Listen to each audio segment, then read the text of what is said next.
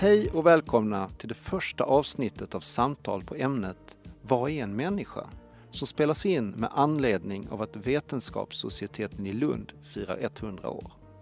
Jag heter Hannes Sapiens Sjöblad och jag har nöjet för att vara programledare för de här samtalen. Innan vi drar igång så ska vi ta ett snack med Göran Bexell.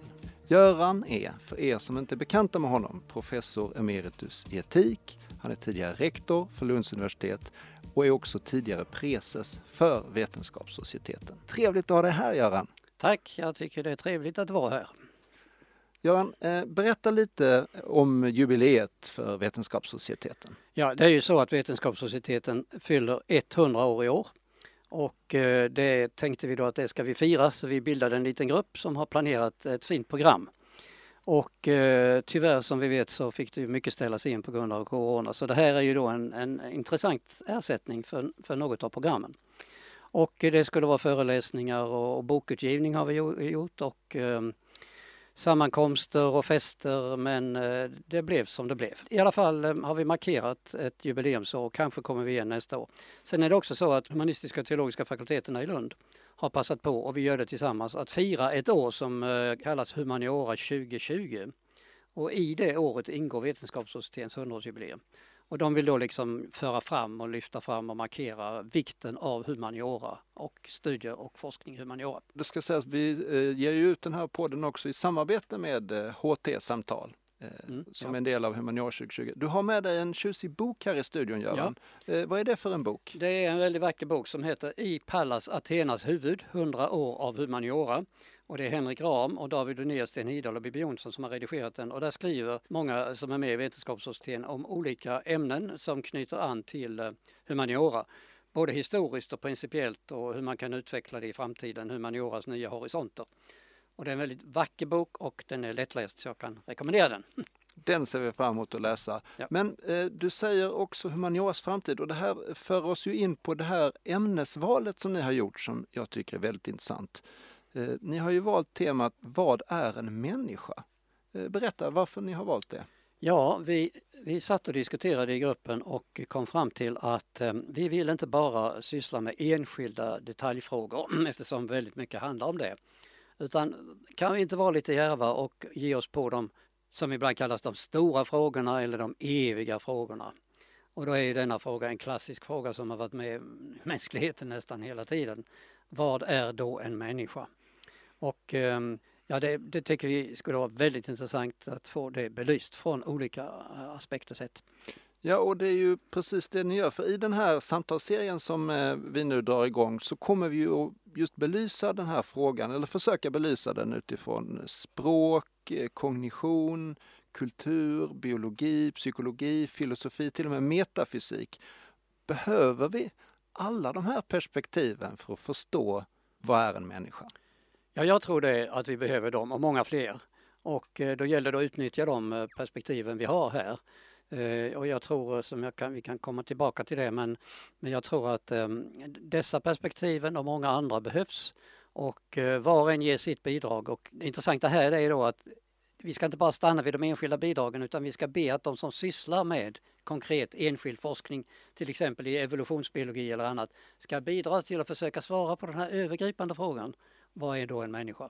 Så även om de som kommer att prata här inte kan ge hela bilden så hoppas vi att lyssnarna så småningom ska kunna göra syntesen. Det hade varit väldigt spännande och det, det, tror jag kan komma att inträffa att det kan dyka upp en ljusglimt då och då. Aha, här har jag ett perspektiv som jag inte har tänkt på. Men Göran, jag måste ändå fråga dig. Du har ju säkert tänkt en del på den här frågan själv.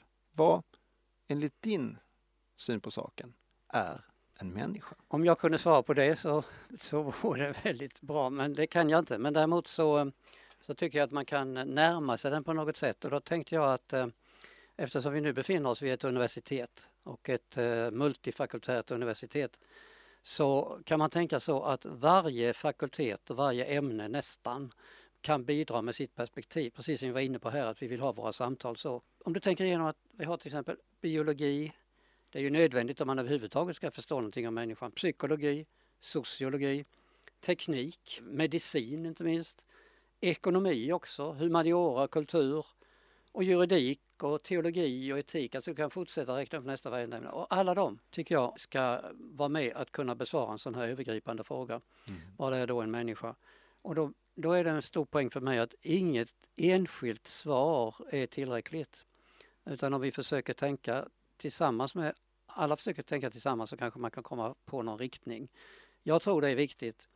Och det är så jag har tänkt länge, märker jag när jag börjar tänka över det, att eh, man kan inte förklara eller svara bra på en frågan vad är en människa genom ett begränsat perspektiv som reducerar människan till någonting som ett enskilt svar kan ge.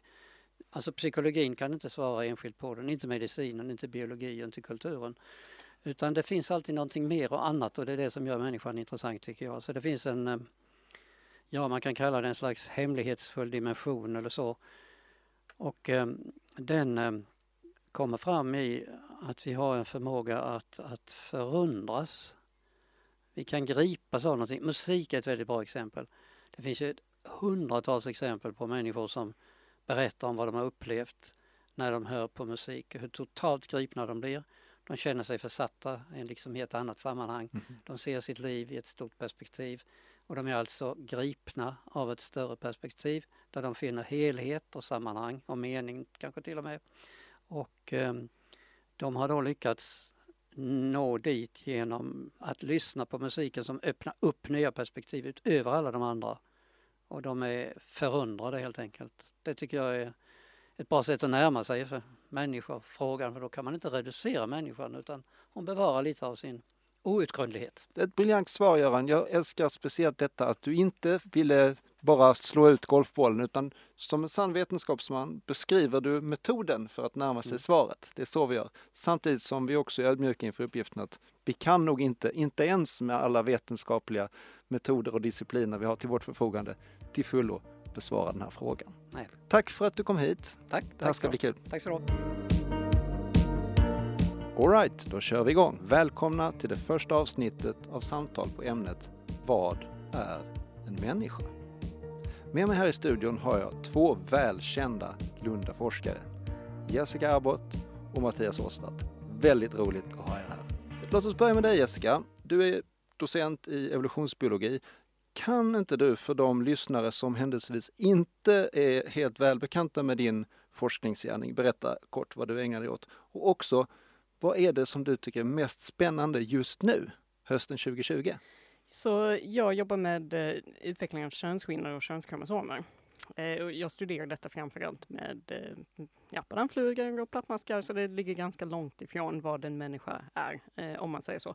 Men eh, är man evolutionsbiolog så är man intresserad av lite allt möjligt och hur olika egenskaper kan uppkomma. Så då blir man lite insatt i det här med mänsklig evolution också, eftersom det är rätt så intressant. Och vad som är spännande just nu? Ja, det är lite svårt att säga. Alltså, om vi säger forskningsmässigt så har jag en doktorand som ska disputera inom ett halvår eller så. Så det är ju ganska spännande att han håller på att förbereda sin avhandling. Okej, okay, det var en, mest en mänsklig liksom spännande grej. Jag tänkte om det var någon sån där forskningsinsikt eller någon just idé som liksom du bara vaknar på natten och bara wow, det där vill jag liksom veta mer om just nu. Nej, alltså det som jag kan säga är spännande inom mitt område just nu är ingenting som är en sak sådär, utan det är snarare att eh, genom att kunna sekvensera olika arter så mycket enklare nu för tiden så har vi kunnat få kännedom om könsbestämning och könskromosomer eh, eh i en i himlans massa arter. Väldigt många olika arter och inte bara de här modellorganismerna som man har forskat på jättemycket som bananflugor och zebrafiskar och allt sådär, utan väldigt udda arter som har väldigt speciella parningssystem och sexuell selektion och allting. Så man kan få lite mer insikt i hur alla de här faktorerna hänger ihop och det är spännande. Mycket intressant. Vi får definitivt återkomma till detta, men eh, vi vill kort ha från dig också eh, Mattias, du är eh, akademisk docent i kognitiv zoologi. Berätta, vad är det du ägnar dig åt eh, om dagarna och vad är det du tycker är mest spännande hösten 2020? Ja, överlag, det som jag sysslar med det är att försöka ta reda på eller kartlägga kognitiv evolution långt bak i tiden. Så nu pratar vi inte primater utan så långt bak det bara går, deep time som det heter på svenska, eh, över geologisk tid. För vi vet ingenting. Så det är ett ganska bra fält att välja. För allt du hittar är nytt. Eh, och det jag tycker är mest spännande just nu är nog samma sak som jag tyckte förra året. Men det är tyvärr hemligt, för vi har inte publicerat det än. Men det var väldigt fina upptäckter vi har gjort som är spännande. Så det kommer väl nästa år kanske, om någon kommer ihåg. Fruktansvärd cliffhanger redan ett par minuter in i, i programmet här. Vi får hålla eh, lyssnarna här lite på halster. Men jag tror vi får anledning att återkomma till detta också, det vill säga intelligens är ju onekligen en eh, essentiell ingrediens i att vara människa och när uppstod den med mera. Låt oss, eh, ja, men låt oss gå rakt på rödbetan då, eh, mina vänner. Hur skulle ni besvara frågan Vad är en människa? Jessica? Kanske ett ganska tråkigt svar. En medlem i arten Homo sapiens.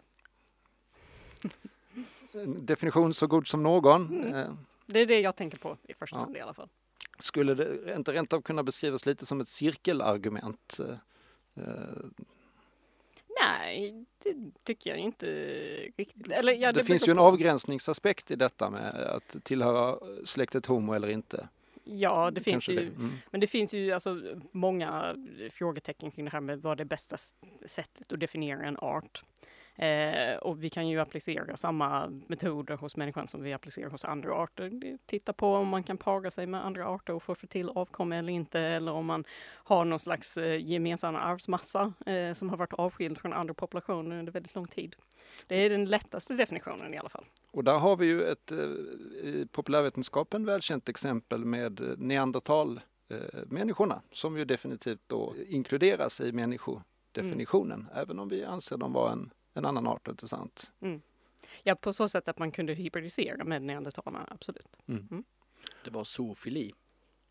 Enligt eh, dagens lagstiftning. Att man gillade djur, eller att man gillar en annan art i alla Att fall. man skaffar eller gör det som krävs för att få barn med en annan art.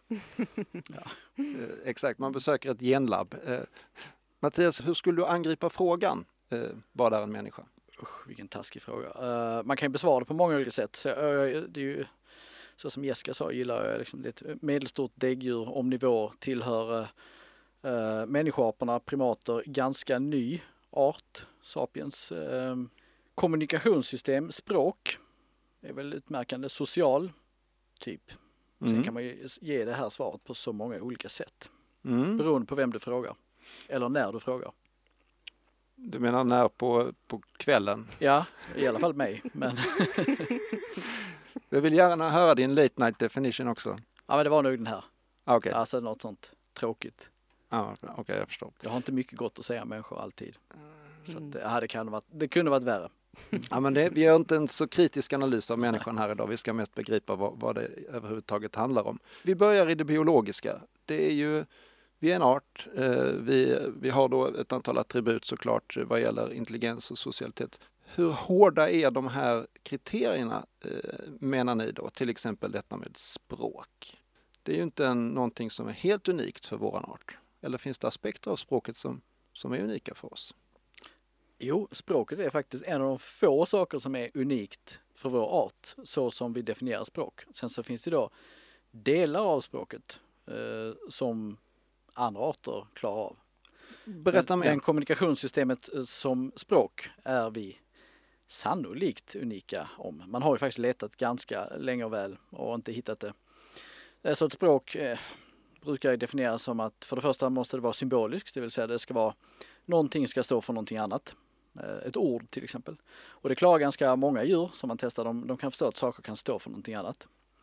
Sen så ska det vara arbiträrt eller godtyckligt, det vill säga vi ska kunna hitta på vad som helst ska kunna stå för någonting annat. Och därmed så måste språket också vara konventionellt, det vill säga vi måste komma överens om att det vi hittade på står för någonting. Och det har man inte hittat hos någon art. Du kan lära en papegoja, en människoapa att det här står för detta och de kan kommunicera. Sen har vi massa andra saker som grammatik och syntax och sånt där också. Men det finns inga andra djur som kommunicerar just på det här sättet fullt ut. Det finns ju eh, kända exempel från eh, primatforskningen, ja, tillbaka till 70-talet när man jobbade mycket med teckenspråk och, och, och med de stora aporna. Och hur långt kom de egentligen språkmässigt, eh, de schimpanser och gorillor och andra som man tränade intensivt? De fick till och med växa upp i mänskliga familjer, eller hur? Ja, de som kom längst är nog de här bonoboerna som man fortfarande testar. De använder det främst när de kommunicerar med människor och främst när de ber om någonting. Och sen så förstår de ganska mycket talarspråk men det är liksom ingenting de anammar som någonting praktiskt mer än i kommunikation med människor. Så att eh, de har inte så, så, de har viss syntax, de begriper det. Men det är bara för att världen ser ut så att nycklarna ligger på bordet eller under bordet och det så att världen gör ju också att vi förhåller oss till den på ett visst sätt. Så att de har inte kommit jättelångt men ändå imponerande långt. Alltså många djur förstår betydligt mer än vad vi tror. Som hundar till exempel har man gjort eh, ganska nyligen studier på att de faktiskt förstår vad ett ord står för. Och det vet ju många som har hundar att det gör de. Men man har gjort välkontrollerade studier där de får höra ett ord från någon röst som de inte känner till, kvinna, man och så vidare. Och, så vidare. och, de, och då tittar man på hjärnavbildning och då, det är samma ställe det lyser på i huvudet och då, de, de fattar ju, om jag säger till min hund att det är en katt där ute, då tittar han ju upp och blir helt, det är uppenbart att han representerar en katt.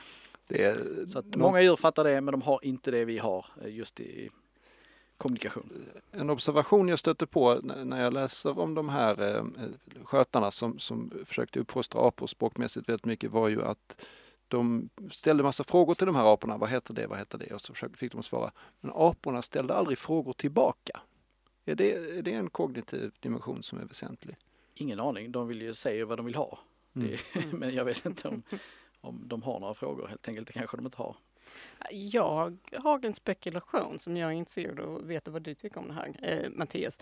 Eh, och eh, höll på att diskutera med en, en eh, kompis det här med språk och djur som kommunicerar med oss och sånt där. Och vi landade i att det kanske finns en viss poäng med eh, att försöka mm, lära sig eh, språket, alltså eller lära ut språk till djur som är monogama eller som bygger så här eh, parförhållanden för att då blir de mycket mer intresserade av att kommunicera med oss. Och att det kanske är lite det som är problemet med schimpanserna att de inte tycker det är så intressant att ha ett långvarigt relation med Nej, oss. det är en intressant teori. Papegojor kanske är lite bättre än apor på ett sätt. I alla fall vad gäller mm. att härma eh, våra ljud. Men, mm. det, ja, men det är möjligt. Det är en jätteintressant aspekt du tar upp Jessica. Är, det, är liksom den här sociala aspekten väsentlig för oss människor? Att, att vi, vi bryr oss om varann? Ja, absolut. Eh, det är väl svårt att komma på någonting som inte påverkas av alltså att vi är sociala djur och vill vara tillsammans med andra. Jag är, jag är kanske ute efter att det finns ju många andra djurarter som också är höggradigt sociala, alltifrån myror till eh, eh, lejon eller någonting annat. Är det, skiljer det sättet vi är sociala på sig på något dramatiskt sätt från andra djurs sätt att, eh, mm. att samvara. Ja, alltså om vi tänker på eh, det som du, du var inne på tidigare med Mattias, vad är skillnaden mellan människor och, och andra djur? Så eh, tycker jag att just det här med språket är ju ett bra exempel på någonting som vi är väldigt mycket långt ifrån alla andra. Men det är annars ganska svårt att hitta exempel på egenskaper som inte finns i någon form hos andra djur. Och speciellt sociala djur finns det mycket eh, gemensamt med oss, alltså empati och, och allting sånt. Så att eh, eh, jag tycker att alltså, det som är mest utmärkande för oss är just den här kombinationen av egenskaper. Att det är lite dumt kanske att försöka leta efter en sak som, som skiljer sig mellan oss och övriga djur, utan man ska se alltså eh, helheten och att att om man tittar på flera olika dimensioner så ser vi att vi är ganska mycket av en outlier, men kanske inte på den enskilda dimensionen, i, i, uh, inte i alla fall i alla fall. Det, fin det, finns andra som kan matcha oss i, i många av de enskilda dimensionerna. Mm. Kanske inte just språket då, men definitivt i termer av samarbete till exempel. Ja, precis. Och, och till och med när det gäller alltså olika förmågor så kan man ju oftast hitta något djur som har specialiserat på detta som är mycket bättre än vad en människa kan vara. Um, men då är det ju att de är jätteduktiga på just den uppgiften. Har du något illustrativt exempel? Nej, jag vet inte. Jag kan ha svårt att komma på någonting så här eh, på rak arm.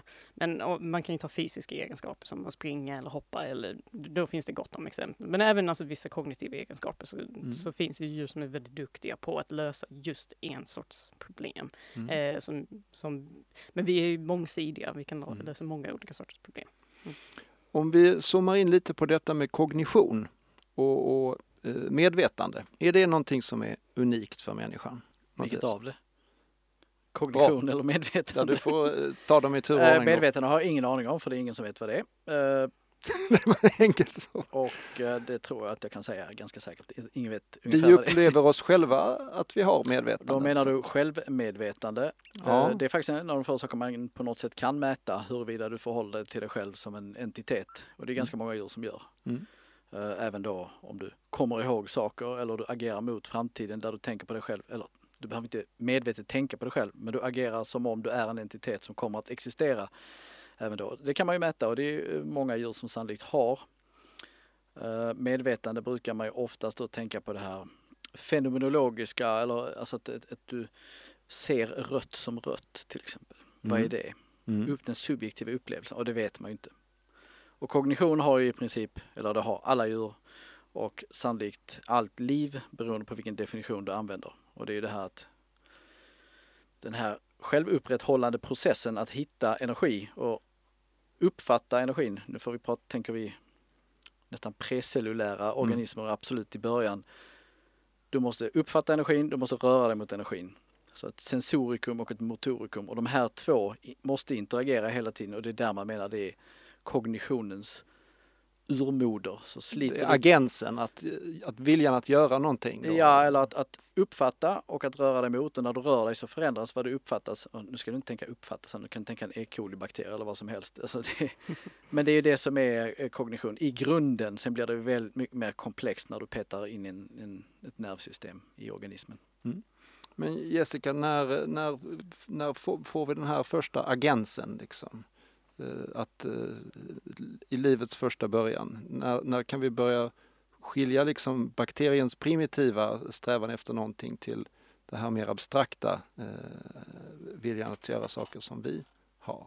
Alltså här tror jag inte att det finns ett vetenskapligt svar. Eh, som att det, det finns, alltså det blir godtyckligt att dra en gräns någonstans. Jag Mm. tror att det är ganska kontinuerligt om man tittar så. Alltså just det här att kunna reagera mot omgivningen är oftast en av de kriterier som ingår i en definition av liv och i så fall så är alla celler har någon slags kognition som Mattias var inne på eftersom de måste kunna reagera på sin omgivning.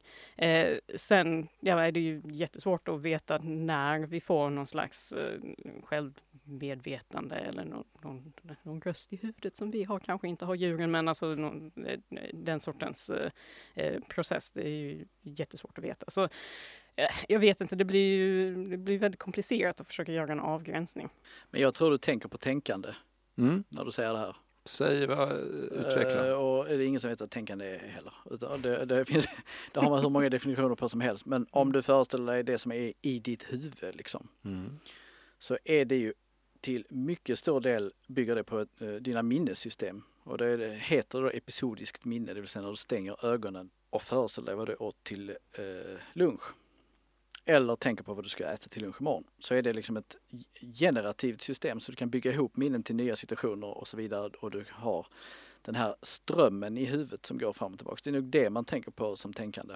Mm. Inte bara utan många tänker att man ska lösa problem med det och sånt också. Och det är förmodligen därför man har det. Exakt när det uppstod vet man ju inte men människoapor har det alldeles säkert. Eh, Kråkfåglar med allra största sannolikhet. Jag skulle säga att väldigt många djur sannolikt har det. För det är svårt att leva som många djur om du inte har det. Sen är det en diskussion som pågår och folk är jättearga och. Men tittar du på neurokorrelaten, det vill säga vad du har i, i hjärnan så har de ju, de flesta djur har ju ett eh, hippocampus som är jätteviktigt för den här typen av minnen. En råtta går inte vilse utan vidare och så vidare. Och det är kopplat till den typen av minnen. Sen behöver vi inte prata om det medvetet eller inte. Men det, det har ju vill du ha ett årtal? 50 miljoner år sedan? 60? 100? Ja, det kanske, eller om du vill beskriva det i termer av vilka arter som uppstod då. För det, vi pratar eh, dinosaurieålder eller pratar vi liksom eh, tertiär eller vad vi nu kallar våra Ja, nuvarande jag, jag brukar hamna på eh, men det är bara för att hålla på med det. Så, så jag brukar hamna där omkring 250 miljoner år sedan. I början av däggdjuren och dinosaurierna. Mm. Eh, Men alltså jag vet att det finns studier på bananflugor där man tittar på eh, minnen hos dem. Och om det är episodiskt minne eller, eller så, det vet jag inte hur de definierar det. Men att de typ exponerar en hane för en annan hane och sen ska han para sig med en hona och så investerar han i spermiekonkurrens på ett annat sätt. Och så kan de eh, då förstöra det här minnet genom att behandla flugan på olika sätt, alltså med kemiska preparat eller söva ner honom däremellan och så då märker man att man har rubbat det här minnet så att han inte reagerar på, på samma sätt. Eh, Det funkar inte med alkohol ja. på bananflugor va? Eh, alltså, För de äter det. de äter det fast de kan bli förgiftade om det är för höga halter faktiskt. Så man använder oftast andra preparat. Eh, men alltså om vi tänker att det ska räknas som minne, då är vi ännu längre tillbaka. Mm. Mm. Ja, nej, men alltså, det finns mängder med minnessystem. Så att eh, Mm. det har ju E. coli också faktiskt. De, de minns ungefär fem sekunder Mm. hur eh, näringslösningen var för fem sekunder sedan. Sen glömmer de. Men, eh, så att detta är då specifika minnen som är kopplade hos människor framförallt till vårt synsinne. Mm. Där vi genererar, men vi, det kan också vara andra eh, sinnesmodaliteter. Mm. Så det är nog relativt nytt, men med det menar jag inte liksom igår utan de flesta djur du ser har nog något av det. Okej, men så för att sammanfatta vad ni säger nu så vi, vi sticker ut på några sätt men eh, det finns också väldigt många andra representanter eh, i, i biologin som har eh, också eh, väldigt avancerade eh, medvetandefunktioner. Ja, Men Jessica har helt rätt i att ofta så frågas det om vad är unikt mänskligt?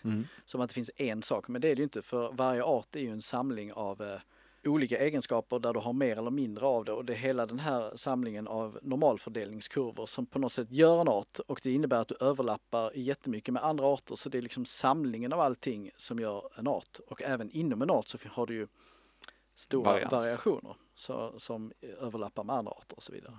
Men det är sällan så att en bonobo är mer än människa och en människa är mer än bonobo. Utan Men i något enstaka fall Ja. så överlappar det. Säkerligen. Ehm, ja, men, eh, om vi då eh, tittar på en intressant aspekt som ju aktualiserar det här med vad som är en människa i tiden vi lever i idag eh, och inte bara blickar bakåt så, så ser vi också att det sker eh, en teknikutveckling. Vi ser hur vi i allt större utsträckning kan eh, läsa genom eh, och även eh, modifiera genom. Vi läser om hur vi till exempel utför forskning på grisar för att man ska kunna använda dem för organtransplantation hos människor. Då i det här läget så måste man ju eh, ympa in vissa mänskliga gener i, i de här grisarna. Om vi tittar på den här genetiska avgränsningen av vad som är en art, håller vi på att lösa upp den nu på vissa sätt med de här nya genteknikerna som vi håller på att få tillgång till? I så fall bara i väldigt, väldigt liten utsträckning eftersom det är enstaka gener som man klipper in. Så det blir bara en pytteliten del av hela arvsmassan. Alltså horisontell genutbyte kan faktiskt ske spontant i naturen också. Eh, det verkar inte vara speciellt vanligt och framförallt så är det förmodligen så att det händer oftare än vad vi vet om. Men att det finns ingen fördel med det och då försvinner det. Det vill säga, så det här kan ju ske till exempel när eh, en art blir infekterad med virus eller bakterier som sen tar med sig en del av arvsmassan, infekterar någon annan och sen då kan det här inkorporeras i den nya artens eh, genom. Så det, det, det blir kanske lite i den utsträckningen Mm. som, som vi modifierar idag. Men om vi strikt genetiskt så kan vi definiera ganska tydligt vad som är en människa. Eh, Det ser vi. Mm. Eller är det lite flytande? Nej, vi är rätt så genetiskt homogena som art, även om vi ser väldigt olika ut, eh, alltså beroende på eh, ja, etnicitet och sånt där, så är vi påfallande eh, lika genetiskt, mycket mer än, än många andra arter. Ehm, ja, jo, alltså skulle jämföra en människa med en sten på Mars så är vi ju mer lika en, eller en schimpans eller en champinjon eller vad som helst. Mm, mm. Så att vi delar ju jättemycket, alltså det som är poängen med livet, vi delar nästan, eller vi delar ofantligt mycket med allt annat liv, men det Mm. går ändå att absolut se skill, alltså det är därför vi kan, den nya genteknologin gör att vi kan sekvensera arter blixtsnabbt, billigt, vilket är jättekul. Men ehm, det var inte svar på din fråga. Grejen är ju som sagt att schimpanserna som finns idag, även om de är inte så många, de är mer genetiskt diversa än hela mänskligheten. Mm. Hur kan det vara så? Alltså det är förmodligen för att vi har ju gått igenom en populationsflaskhals någon gång för cirka hundratusen år sedan eller så. Det är lite osäkert exakt när det var. Eh, men att alla nu levande människor kommer från den här lilla skaran som överlevde den tiden.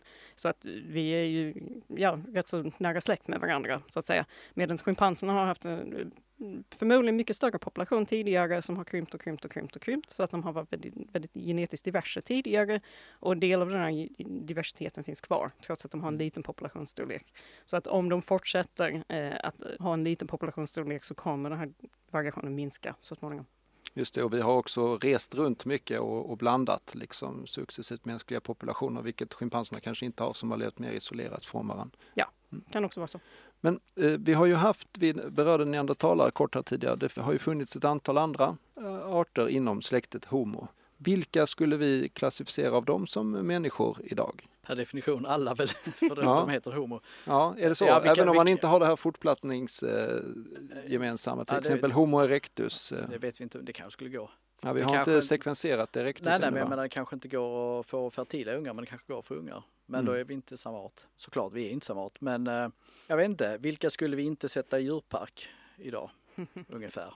Eh, Men, men, Drastisk fråga att ställa. Ja. Ja, ja. Ja, men det här med att kunna få fertila avkommor, det, är- det är inte som så att det finns någon fast gräns, att när man väl har blivit 1% åtskilda så är man helt plötsligt olika arter. Det beror på vilka mutationer som, som fixeras och olika arter verkar vara mm, olika toleranta Mm. för mycket diversitet. eh, Så att det finns ju vissa, eh, ja vissa arter, till exempel det finns någon eh, räka eller något sånt, där populationen kan skilja sig åt 10 genetiskt. Eh, När man tänker på att vi skiljer oss från schimpanserna ett par procent så är det ju rätt mycket. Men de räknas ändå som samma art eftersom man kan se att de, de har genflöde och det funkar fortfarande. Så på så sätt så blir det ju mer eller mindre omöjligt att säga någonting om de arterna som har funnits tidigare. För att även om vi hade haft kompletta genom så kan vi egentligen inte säga Mm. om de skulle vara isolerade från oss utan att testa. man brukar säga att man ska vara mer lik oss än vad man är lik och eh, den gemensamma förfadern med andra nulevande apor. Men då är det ju såklart, då är det inte den typen, alltså man har, det finns många olika typer av artbegrepp. Så när man sysslar med arter av utdöda djur så är det mer, vad heter det på svenska? Formart. Det vill säga man tittar på anatomin och, det, och där kan du aldrig, så att artbegreppet är inte satt i sten som många tror. Utan, och sen en art är ingen punkt heller, det är liksom en process, det är någonting som händer. Det är ett kontinuum. Ja, för Mm. inledningsvis så sa ni ju en ganska enkel definition, vad är människa? Ja, det är Homo sapiens. Men nu har vi redan under samtalet vidgat det till alla under eh, epitetet Homo. Ja men nej, det är bara enkelt idag för att det finns inga andra. Ja, det är ingen annan som gör anspråk på eh, Nej, rättigheter. precis. hade vi haft andra nära släktingar som fortfarande levde, då hade det varit krångligt, precis som det är för andra arter. Mm. Vilket ju då för oss in på en annan aspekt, nämligen den eh, juridiska synen på oss människor och rättigheter. Alltså om vi inte pratar om fenomenet människa utan eh, liksom begreppet, vad vi, de gränser som vi drar samhälleligt. För vi har ju, och eh, jag vet att du Mattias har ju också skrivit om djurs rättigheter och de primaters rättigheter. Och jag är då nyfiken på, tycker ni att det är rätt som vi gör idag när vi liksom drar en ganska tydlig gräns för att vi Människor har en väldigt tydlig uppsättning mänskliga rättigheter men att vi inte sträcker dem vidare till djur som har eh, oss väldigt snarlika förmågor och eh, för den delen eh, genetik. Alltså jag tycker det känns eh, praktiskt och bra och intuitivt. Eh, så, så stämmer det nog rätt så väl med den här idén att man ska ta hand om sina egna och sånt där och att man därför vill göra någon slags, alltså, eh, eh, ja, särskilja människor från andra djur. Men egentligen så tror jag inte att det finns någon logisk anledning varför det skulle vara så eller någon moralisk anledning varför, varför vi borde göra det. Utan jag tror att det är bara, alltså att vi har ju anpassat oss till att ta hand om varandra. Och då är det lätt att säga att ja, eh, ja kanske en gång i tiden så tänkte man kanske inte så mycket, eller man tänkte förmodligen inte så mycket på mänskligheten som helhet, utan man tänkte på min familj eller min- min klan eller min grupp. Och så har vi vidgat det här allt eftersom. Så att nu säger vi mänskligheten, Mm. allt det andra. Men jag tror att det är bara ja, en, en del av vårt sociala arv faktiskt. Mm. Det är kulturella och precis, juridiska faktorer som Mm. påverkar det. För visst, man bryr sig om sin familj men det kan ju också vara så att i sin cirkel av de man värnar om så kan man ju till exempel också inkludera eh, älskade eh, husdjur till, för den delen. Alltså det är ju en, eh, det är en trend bara att nu, nu börjar folk, nu har vi det så bra så nu kan vi börja tänka på andra också kanske eller vissa personer i samhället tycker så. Och precis, alltså det är ju som sagt, det finns det är ingen universalie där ute som svävar och ger oss rätt utan det är bara för att vi har gett oss rätten och kan göra det så gör vi det. Så inte mer med det egentligen. Så, så de här mänskliga rättigheterna är ju en fullständigt mänsklig konstruktion såklart. Sen kan man också vända på det. Om du ska ha rättigheter har du inte skyldigheter då? Mm. Och då kan du ställa dig frågan vilka skyldigheter kan du utkräva från vissa djur? Det kan du nog från vissa. Mm. Men Inte många och inte mycket. Man kopplar rimligen precis rättighetsaspekten till skyldighetsaspekten. Samtidigt så Kanske, är det ju många människor kanske. som vi inte Ja. kräver skyldigheter av heller, som barn Nej. till exempel. Mm. Men växter kanske också har en rättighet på något annat plan. Alltså för att de spelar roll för andra människor eller för att de spelar roll för djur, andra djur. Jag vet inte.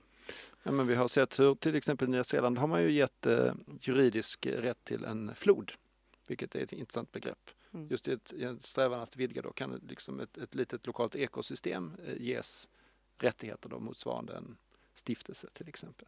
Alltså jag tror att man får också förtydliga här att det behöver inte betyda att det är dåligt med mänskliga rättigheter, tänk. Ja, det här, där, där är vi inte. nej, nej, nej. Tvärtom, vi, det intressanta är varför vi har valt att dra gränsen där vi gör. Ja, När vi, som exakt. du just sa, det skiljer sig en procent i genetiken Mm. och eh, Ja, så jag tror inte att det finns, alltså, man får ta det som någon slags axiom, som någon startpunkt, att vi tycker att det är viktigt med mänskliga rättigheter. Men att det finns ju egentligen ingen logisk anledning att, att ha det som startpunkt och utesluta allting annat. Men det finns ju mycket som är bra med mänskliga rättigheter. Tänkte det behöver påpekas. Det är en bra början. Köper det. Jag skulle kanske vilja gå mot eh, slutet av vår konversation men också ställa frågan till er då om vi tittar på vår syn på vad som är en människa idag och vad som utgör den mänskliga eh, erfarenheten. Tror ni att detta kommer att förändras när vi blickar framåt? Och då finns det ju inte minst de här teknologiska förändringarna som vi nu ser omkring oss, men kanske också då i förlängningen juridiska. Ja, jag tror att det kan förändras i och med att världen förändras och vi använder oss mer av teknologi och kanske ja, modifierar oss själva mer och mer med tiden, antingen genom bioteknologi eller annan teknologi. Jag tror inte att det kommer märkas så där jättemycket kanske. Alltså, eh, man vänjer sig. Allting känns normalt när man har vant sig. Mm. Eh, så att det, det kommer nog komma krypandes. Eh, så att det kommer inte vara så stora diskussioner om det, tror jag. Eh, någonting som, intressant som jag har ju märkt, då, som inte är superinsatt eftersom jag inte är humanist, men alltså att det finns ganska många som skriver om det här med posthumanism. Hur ska vi tänka nu när vi går bortom det här med humör? Och, och jag har ju läst flera olika författare som eh, stör sig på den här uppdelningen mellan kropp och hjärna eller medvetande och kroppen och sånt där och att de tycker att man måste försöka eh, inkorporera just det här kroppsliga i vårt tänkande. Eh, och i så fall så blir vi ju tvungna att inkorporera också de här teknologiska förändringarna som kommer att komma eftersom jag är inte bara min hjärna eller mina tankar utan de påverkas i allra högsta grad av min kropp. Så det tror jag är någonting som, som man kommer behöva ja, eh, anpassa sig till på något sätt. Så, eh, men Homo sapiens kommer vara med i matchen ett tag till. Om vi inte tar död på oss själva? Ja, nej men det finns ju ingen anledning att tro att vi kommer dö ut snart. Alltså, vi, vi är rätt så många. Ja. Och hyfsat framgångsrika. eh, Ja, och eftersom det är så mycket migration runt om hela världen så finns det ingen anledning att tro att vi kommer bilda nya arter någon gång snart heller. Nej, Alltså det beror på vad du menar med hur vi ska vara i framtiden. Så att alltså om, om du tänker dig om 200 000 år så har jag ingen aning för att människan har ett väldigt kort perspektiv av naturliga skäl för vi lever i 100 år. Om vi har tur. Och så tänker vi teknologi här och nu. Vi kan ändra men den är väldigt, väldigt skör. Vad som helst kan hända när som helst och då försvinner allting. Kanske är vi kvar som art. Och då kanske vi har glömt allt som har varit. Så att spekulera kring det är ju väldigt svårt. Men sen kan ju ingen kontrollera en heller. Ehm, så det, men jag tror man ska tänka mycket mer långsiktigt. Och om man ska fundera på människan i framtiden. För jag- ja, Men ehm, du som arbetar, har du någon gång slagits av tanken Mattias att vad skulle man kunna göra om man tillförde mänskliga gener till eh, till exempel stora apor och för att göra dem lika intelligenta som vi? Ja, vi vet ju inte vilka gener det är. Men jag har ibland funderat på att man skulle kunna avla fram. Men det skulle ta väldigt lång tid för de lever väldigt länge. Men dock har jag funderat på kråkfåglar. Om det är etiskt. Men om vi tittar evolutionärt så kanske om en miljon år. För att det finns ju flera, både inom däggdjuren framförallt människoapor, hos fåglarna som har liksom konvergent eller parallellt evolverat sin kognition. Förmodligen var de smartare än däggdjuren först. Men det är en annan fråga. Så om en till två miljoner år så är det mycket möjligt att det finns andra arter som har likartad kognition som vi har idag. Och det är för att många är precis på gränsen av de förmågor som för oss är viktiga. Så de behöver en knuff, ett skäl till exempel till att uppfinna ett språk där några är på gränsen. Och då kan du komma igång med en kulturell eh, revolution som är ju väldigt utmärkande för människan. Och då, men det behövs mer än det för människan har gått runt i 300 000 år utan att göra så mycket. Och sen så pang så blir allt det här. Så tog det fart plötsligt. Ja, ja. Så att eh, ja, vi ska vänta och se. Och så, det blir kul att se. Det blir kul att se, ja. men du, risken att vi får eh, eh, genmodifierade eh, apor som eh, faktiskt är intelligenta som vi, det kommer vi inte få i vår eh, alltså vi har, ju redan, vi har ju redan 7 miljarder människor, så varför ska du ha? Men jag tror att man har snackat om, eller att det, det, finns kanske vissa forskargrupper som tänker på det här med att genmodifiera apor så att de får mänskliga genklippta som har med hjärnans funktion att göra då för, framförallt för att kunna studera sjukdomar. Eh, om det skulle leda till ökad intelligens eller inte, det vet man ju inte. Det är förmodligen ganska många olika gener som behövs. Det är inte bara en gen som styr detta. Men alltså om det skulle bli som så att de blir mer intelligenta så är det kanske inte jättekul att man ska använda dem till medicinska experiment sen. Det blir bekymmersamt och då får, mm. man, då får de vara så uh, kloka att vi kan inhämta deras medgivande i, skulle den dagen inträffa. Jag vill tacka för era kloka tankar och inspel. Är det någon uh, avslutande aspekt som ni vill lyfta angående det här ämnet om vad är egentligen en människa? Nu tror jag att alla humanister kommer att tycka att vi pratar ingenting om kultur. För det är det som är väldigt mycket att vara en människa, en kumulativ kultur. Alltså det vill säga, någon kommer på någonting och sen så byggs det vidare och vidare. Det finns också hos djur, men inte tillnärmelsevis som hos oss. Och det beror förmodligen på språket. Och det skulle jag säga att det är också väldigt utmärkande för människan att eh, kulturen, och både i ett samhälle finns flera olika kulturer, mellan samhällen runt om på jorden så är det ju det, är ju det som skiljer oss åt, kulturer. I övrigt är vi ganska lika. Um, så det kommer nog folk tycka var tråkigt att vi inte pratar om. Men det kanske inte gör något för jag är inte så bra på det.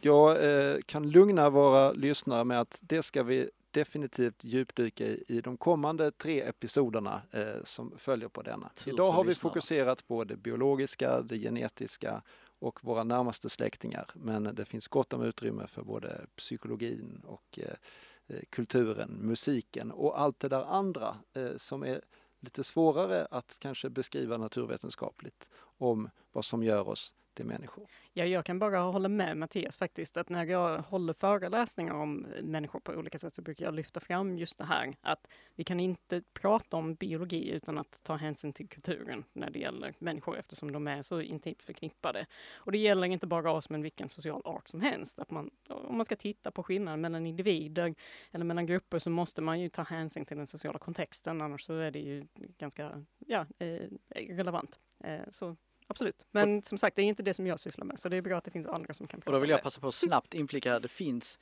den här distinktionen mellan arv och miljö, glöm den. Alltså det, mm. det, funkar inte varken i biologi eller någon annanstans, så, så prata inte om det. Nej, det, håller det helt med. är så dumt, för man vet inte ens vad man ska börja förklara det, så jag gör inte det heller. Jo, men det där får du alltid utveckla lite därför att det här är ju en välkänd okay. uppdelning både för individer och allt, samhällen och kulturer allt, allt liv befinner sig i en miljö. Mm det är, till, det är till och med så att allt liv är miljö för någon annan. Evolutionen bygger på miljö. Sen så fort det hänger på ett nervsystem så är det ju helt och hållet och ju mer komplext det blir desto mer är det beroende av miljö och inlärning och allting. Men det är också helt beroende av biologi. Det är liksom 100% och 100%.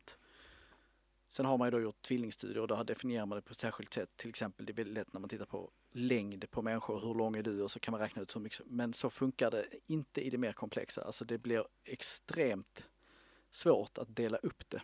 Men jag skulle vilja säga att, att det alltså en konstruerad uppdelning i princip. Alltså att man kan ju genom att, att mäta heritabiliteten eh, av längd till exempel så kan man räkna ut någon slags uppdelning här, hur mycket av variationen som förklaras av den ena eller andra, andra faktorn.